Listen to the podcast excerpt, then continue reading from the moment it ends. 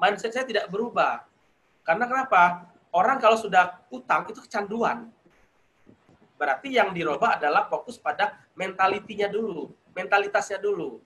Takdir itu tidak bisa kita rubah. Tapi sayap kita, bagaimana kita memahami, bagaimana kita menyadari, bagaimana kita mengelola hidup kita, insya Allah kita akan bisa merubah arah sayap kita menjadi lebih baik lagi.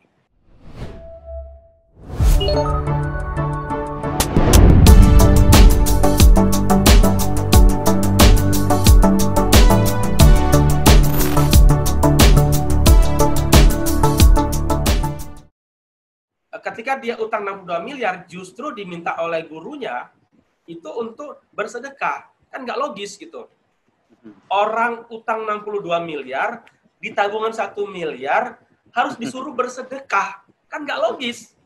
Oke, ini utang ini kalau baru bisa selesai, mungkin bisa 100 tahun baru bisa selesai. gitu kan? Tapi apakah tidak ada cara lain? Ada cara lain. Apa yang dilakukan? Dia jadi makelar. Jadi makelar, jadi broker gitu. Tapi brokernya level, level tinggi, negosiasi, cari investor gitu. Dan alhamdulillah bisa selesai. Nah, poin ini saya sampaikan bahwasanya pertama tadi kita harus tahu berapa pengeluaran real kita. Yang kedua adalah kita harus mulai me, apa, memotong-motong mana yang bisa dinegosiasikan, mana yang tidak kalau yang kita punya bunga paling tinggi, carilah paling rendah dulu uh, uh, nilainya. Kalau yang memang kita bisa selesaikan. Uh, ini ini ini adalah uh, te teknisnya. Nah, selanjutnya adalah ketika kita sudah bicara tentang uh, utang kita banyak gitu, jangan berpikir fokus pada 80% utang, tapi 80% solusi gitu. Uh, saya ada teman lain, seorang Dewa Eka Prayoga, itu utang punya utang 7 miliar. Sementara dia ngelakuin itu adalah ngelakuin jualan uh, apa ceker ayam. Kan nggak logis gitu.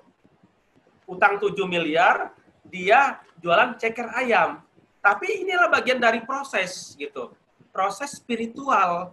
Apa itu proses spiritual? Proses itu berikhtiar. Jadi ada namanya itu kalau dalam Islam itu ada namanya sa'i dari sopa ke marwah. Jadi kalau misalkan dulu yang namanya Siti Hajar itu ketika anaknya nangis di padang pasir Ismail itu nyari air gitu. Dia bolak-balik tujuh kali. Sofa, bukit sofa, bukit marwah, bukit sofa, bukit marwah. Bolak-balik. Ternyata air zam-zamnya di kaki Ismail gitu. Sama juga ketika kita sudah ikhtiar ke mana-mana segala macam, insya Allah kalau kita harus fokus, kita akan dapat yang namanya zam-zam itu. Ini yang yang saya belajar dari Dewa Eka Prayoga dari jualan ceker ayam, akhirnya dia jualan buku. Apakah bisa selesai? Ya nggak selesai juga. Tapi gara-gara jualan buku, sekarang dia jadi dewa selling. Gitu. Sekarang ya dia utangnya udah lunas gitu kan. 7 miliar sudah lunas, dia sekarang sudah punya kehidupan yang lebih baik gitu. Nah, lalu yang yang yang tidak kalah pentingnya adalah bahwasanya setelah kita apa namanya tahu sebenarnya berapa pengeluaran kita, berapa utang-utang kita, kita mulai itu menceklis gitu kan. Jangka waktunya berapa lama kita ingin selesaikan. Jadi yang namanya orang kalau disuruh relaksasi tentu ada batasnya. Ya. Ketika kita relaksasinya terlalu lama, orang juga akan marah-marah juga sama kita. Ada ada dua kemungkinan cara yang bisa kita lakukan. Pertama, ada namanya kita menjual aset kita. Kalau ada asetnya. Ya. Yang kedua adalah kita uh, berserah secara spiritual. Toh dengan cara-cara duniawi, cara-cara yang yang logis, yang terstruktur, nggak bisa selesai. Berarti apa? Ya cara-cara yang nggak logis gitu karena saya seorang ibaratnya seorang spiritualis begitu. Ya mungkin kalau saya satu hari ketemu satu orang sekarang bagaimana caranya? Sehari ketemu 10 orang. Dari 9 dari 10 orang itu masa sih nggak ada yang bisa memberikan solusi gitu kan? Hmm. kalau kita mencari ya ketemu gitu kan? Uh, saya kenal Udaweb sudah lama. Udah udah terkenal sekali, udah viral, lihat WA segala macam gitu kan. Ta tapi ada satu titik akhirnya kita bisa ketemu gitu lewat Kapten Sar ketemu udah WEM gitu kan. Nah ini yang saya bilang proses pencarian terus menerus yang nggak pernah berhenti. Sehingga ketika kita bicara tentang bab utang tadi ya kita bisa menyelesaikan ya. Nah yang tidak kalah pentingnya adalah yang bagaimanapun ya income kita harus ditambah banyak. Nggak ada nggak ada yang lain. Seorang mentor saya yang tadi saya bilang 62 miliar, dia tidak hanya dari satu income. Dia dari dari dari beberapa income gitu. Ada yang join sama temannya, dia bersirka gitu kan. Ada yang memang dia ngerjain sendiri. Itu peluang-peluang yang ketika kita bergerak itu ada saja jalannya. Jadi kalau ditanya apakah bisa menyelesaikan utang 62 miliar dalam sehari, saya bilang ya nggak bisa. Gitu. Tapi kalau kita buat strateginya, kita detailkannya, ya insya Allah juga akan menyelesaikan paling tidak beberapa step-stepnya lah gitu. Jadi uh, terakhir dari saya, ketika kita bicara bab utang itu bicaranya bukan sekedar bab teknis. Karena kalau bab teknis itu begini udah, saya itu kan belajar perencana keuangan, financial planner ya. Itu selalu bicaranya bab teknis, misalkan utang 62 miliar, hitung aset. Kira-kira kalau aset ini dijual, utang selesai itu betul, saya tidak menyalahkan. Yang jadi masalah adalah ketika tahun depan, nah ini, tahun depan utang saya nggak 62 miliar lagi, apa naik lagi 100 miliar. Kenapa? Ini saya nggak diselesaikan. Mindset saya tidak berubah. Karena kenapa? Orang kalau sudah utang itu kecanduan. Berarti yang dirubah adalah fokus pada mentalitinya dulu, mentalitasnya dulu. Kalau mentalitasnya sudah kita bisa selesaikan, untuk hal-hal teknis itu akan menyesuaikan gitu. Walaupun kita juga harus pikir kita berutang 10 tahun, bayarnya tidak bisa 10 tahun juga gitu. Bisa jadi dua tahun, bisa jadi bisa jadi 20 tahun. Tetapi kita belajar untuk bicara bab mentalitasnya itu diperbaiki, baru bab bicara bab teknisnya. Kalau teknis, saya Apa? pikir ya. Silakan. Ya udah. Teknis. Ya, jadi kalau bicara bab teknis, itu kita buat polisi 20% saja. Tapi okay. bagaimana kita secara mentalitinya kita harus naikkan dulu untuk menjadi mentalitas yang mentalitas orang-orang kaya gitu. Oke. Okay. Apa hukumnya seorang uh, muslim yang meninggal dengan hutang dan bagaimana kita semua bisa mengejar agar tidak ada satupun lagi di antara kita ya yang ya. mati dengan hutang. Ya, uh, kalau di dalam Islam itu kan ketika orang itu berutang, walaupun dia mati sahid sekalipun, itu nggak bisa langsung ke surga. Utangnya harus dihisap dulu, harus dihitung dulu. Kalau sekarang kan, saya misalnya punya utang nih ya, udah WM ya. Saya utang sama si A. Terus saya bilang, udah WM, tolong dong bantu apa talangin dulu utang saya sama si A. Udah WM dari saya langsung transfer ke A. Selesai kan? Tapi kalau di akhirat nanti kan tidak bisa saya minta talangan kepada udawem. Kenapa? Kita kan sama-sama susah. Sama-sama nggak jelas nih kita masuk neraka masuk masuk surga gitu kan. Berarti nanti yang kita bisa lakukan adalah amalan kita yang sedikit ini gitu kan, itu yang akan kita bayar utang kita. Nggak bisa juga ya neraka, cuci dosa dulu gitu.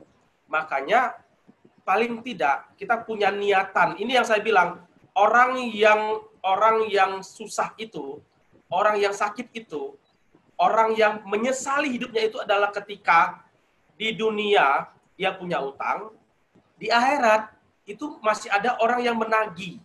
Ini yang yang paling paling paling paling paling dasar gitu. Yang paling kita bisa lakukan hari inilah kita berdoa kalau sekiranya kita pasti punya utang hari ini bagaimana caranya agar orang-orang yang kita hutangi itu lunak hatinya Lalu Allah carikan berikan rizki untuk bisa melunasi hutang-hutang kita. Ya. Jadi kalau bagi yang mempercayai adanya Tuhan bahwasanya hidup ini kita tidak sendirian. Hidup ini tidak apa ya, tidak uh, kita itu bukan sesuatu yang berdiri sendiri. Tapi kita itu ada teman, ada saudara, ada silaturahim, ada semesta yang menyatukan kita. Ini yang yang saya pikir kalau kita punya nilai ini, value ini, soul ini, insya Allah seberat apa pun masalah kita, kita harus bilang, wahai masalah, Anda itu kecil, Anda itu kecil, yang besar adalah Tuhan, gitu kan? Ini yang saya selalu bilang, masalah boleh besar, tapi Tuhan lebih besar. Insya Allah masalah kita akan akan mulai kecil, kecil, kecil, kecil, kecil, dan habis. Jadi begitu nanti ketika kita sudah tidak bernyawa lagi, insya Allah kita, kita bisa akan lunas. amin, amin. Bung Hari kerjanya apa nih sekarang? Uh, dan ya. bagaimana ya. orang bisa kontak Bung uh, Bung Hari um, dan Bung Hari bisa membantu mereka dalam hal apa gimana itu dan proyek-proyeknya ya. apa aja sekarang? Jadi kalau tadi saya bilang buka Google saja, ketikin motivator keuangan, di enter itu insya Allah ketemu nomor saya itu gampangnya. Uh, saya itu kalau dibilang ada namanya IAM gitu kan, investor, autor, motivator. Jadi saya sendiri sehari-hari saya berinvestasi di beberapa, ada pasar modal, ada juga sektor real, ada beberapa warung kecil-kecilan udah. Ada beberapa warung yang itu kita sirka, konsepnya sirka, jadi ada yang handling lah. Jadi saya invest uh, beberapa gitu kan, lalu mereka yang jalanin dapat bagi hasil. Kalau untung dibagi, rugi dibagi. Itu pertama. Yang kedua, saya sudah menulis lima buku tentang motivasi, tentang kehidupan dan lain-lain. Lalu saya juga memberikan ini sharing seperti ini sebenarnya. Ini kalau dibilang ini adalah hobi saya sebenarnya. Hobi untuk berbagi karena saya tidak ingin jangan sampai orang itu apa namanya terjerat seperti saya dulu gitu kan. Kerja di bank tapi nggak bisa mengelola duit. Itu kan persoalan gitu kan. Itu itu yang yang apa uh, saya lakukan.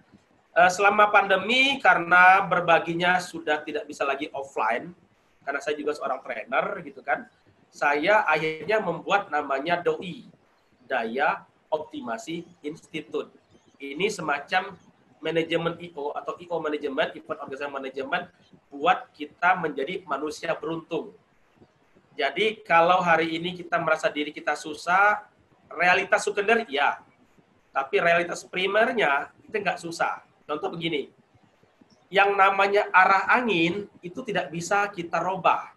Angin ke barat, angin ke timur itu tidak bisa kita robah. Tapi kalau kita lagi di pesawat, kita bisa merubah sayap kita. Takdir itu tidak bisa kita robah. Tapi sayap kita, bagaimana kita memahami, bagaimana kita menyadari, bagaimana kita mengelola hidup kita, insya Allah kita akan bisa merubah arah sayap kita menjadi lebih baik lagi. Jadi insya Allah nanti tanggal 26 September itu akan ada namanya workshop manusia beruntung tiga dimensi. Dimensi spiritual, dimensi mindset, dimensi finansial. Jadi bukan cuma sekedar bab teknis, tapi ada sisi spiritualnya, ada sisi mindsetnya, ada hmm. sisi finansialnya. Makanya tiga dimensi. Itu oh, yang proyek yang terdekat udah. Kalau yang lain-lain kita ada beberapa dengan uh, Koperasi Sadar Kaya, ada juga dengan Koperasi Sahabat Bela Depok ya. Kita crowdfunding seperti itu. Kita mencoba bagaimana orang-orang atau karyawan itu jangan hanya punya satu income, tapi dia harus punya lebih dari satu income. Kenapa? Ketika seperti sekarang kondisinya PHK dan segala macam, kita itu bisa tetap punya pendapatan, bisa tetap bisa hidup, tetap bisa menikmati hidup. Karena bayangkan, walaupun seorang yang punya duit banyak, ketika dia terkukung, jiwanya nggak bebas, jiwanya nggak merdeka, dia nggak bisa apa-apa juga. Tapi kalau dia punya mental keberlimpahan, walaupun ibaratnya hari tanda petik kita di penjara di rumah kita masing-masing, tapi insya Allah kita bisa memberi kemanfaatan lebih banyak. Berada dengan keluarga, dengan anak, dengan istri kita, dengan teman-teman kita, kita masih bisa silaturahim, walaupun mungkin hanya lewat Zoom seperti ini. Tapi ini adalah bagian dari silaturahim. Yang dulu mungkin kita agak susah ya. Kalau misalkan udah WMP lagi di Australia, harus mengejar ke Australia. Tapi hari ini dengan dengan teknologi kita bisa bertemu gitu kan.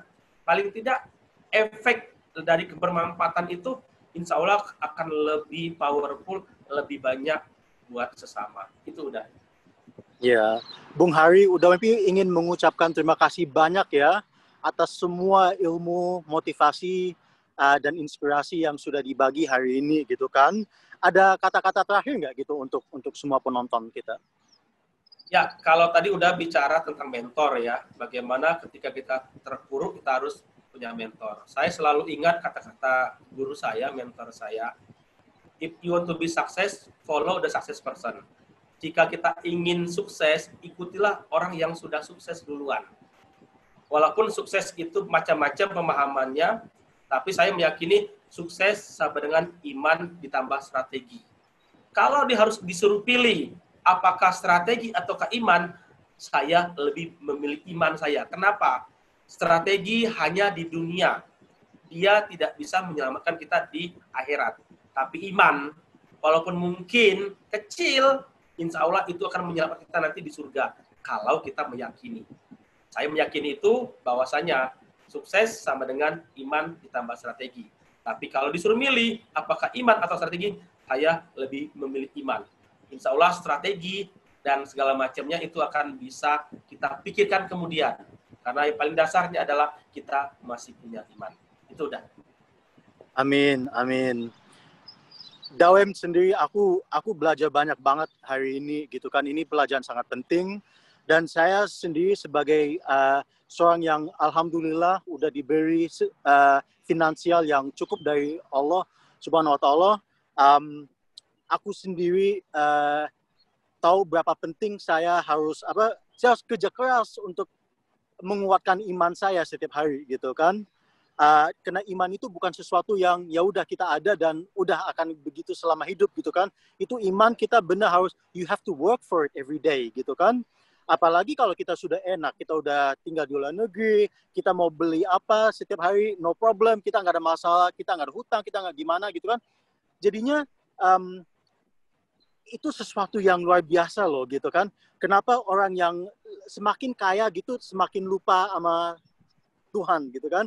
Dan banyak yang juga yang jatuh, yang bangkrut gitu, banyak yang mereka imannya kuat dan luar biasa gitu kan. So uh, hari ini udah banyak pelajaran penting dengan hal spiritual, juga banyak pelajaran penting dengan hal yang teknis juga ya, yang katakan 80-20 gitu ya. Um, dan insya Allah uh, ini jadi uh, amal jariah gitu kan untuk untuk untuk amin, untuk amin. Bung Hari. Dan insya Allah ini semua pelajaran bisa dipraktikkan uh, semua orang. Uh, dan ini aku juga belajar pentingnya zakat juga ya. Dan kita nggak bisa mengatasi masalah yang luar biasa seperti hutang 62 miliar itu dengan secara Cara yang uh, logis ya. logik gitu ya. Yeah. harus dengan sesuatu yang it's what we call of faith ya yang irasional gitu kan. So I thank you so much Udo MP. Terima kasih banget ya kepada Bung Hari. Um, and I'm sure that people are gonna find a lot of value. Apalagi uh, Indonesia adalah negara di mana ya kita semua sih di semua manusia menurut dalam apa aja kita agama kita kita mau uh, Islam mau Kristen mau Katolik mau Buddha mau Hindu mau ateis gitu aku merasa orang ateis pun juga mau tahu there's something bigger, ada ada sesuatu yang jauh lebih besar daripada kita semua dan kita mendekati um, you know that higher power which is which is which is God, which is Allah gitu kan. So inshallah um, I've learned so much and I'd like to thank you very much on behalf of everybody Bung Haria. Ya, Alright, dan untuk semua penonton dan pemirsa, Udah MP mengucapkan terima kasih. Uh, Udah MP sudah belajar banyak banget dan insya Allah Anda semua uh, udah belajar banyak banget yang insya Allah bisa dipraktikkan langsung gitu ya. Oke, okay? Assalamualaikum warahmatullahi wabarakatuh.